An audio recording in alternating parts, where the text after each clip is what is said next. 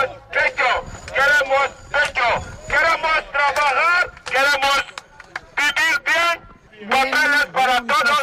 i volem treballar. Aquest és el crit que feien avui alguns dels supervivents de l'incendi d'una nau industrial ocupada al barri del Gorg de Badalona el novembre de l'any passat, en què, recordem-ho, van morir quatre persones. A partir de demà, l'Ajuntament deixarà de fer-se càrrec de la manutenció de 40 de les 89 persones afectades que hauran d'abandonar les pensions i hotels on han viscut eh, els últims mesos.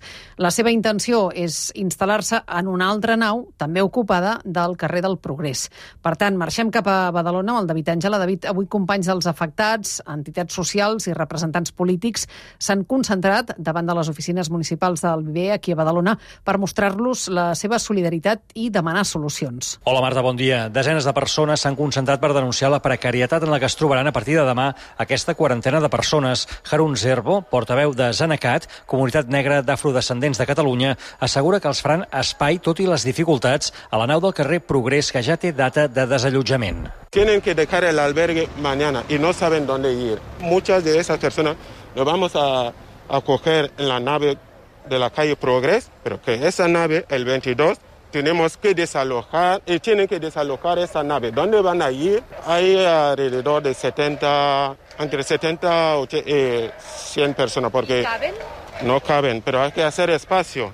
David, l'Ajuntament va comunicar la setmana passada que s'acaben els recursos per a aquestes 40 persones.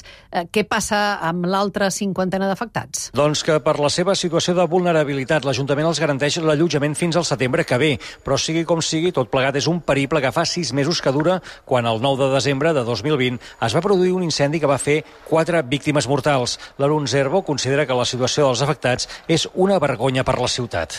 Es una vergüenza una ciudad como Badalona que no tenga una solución habitacional.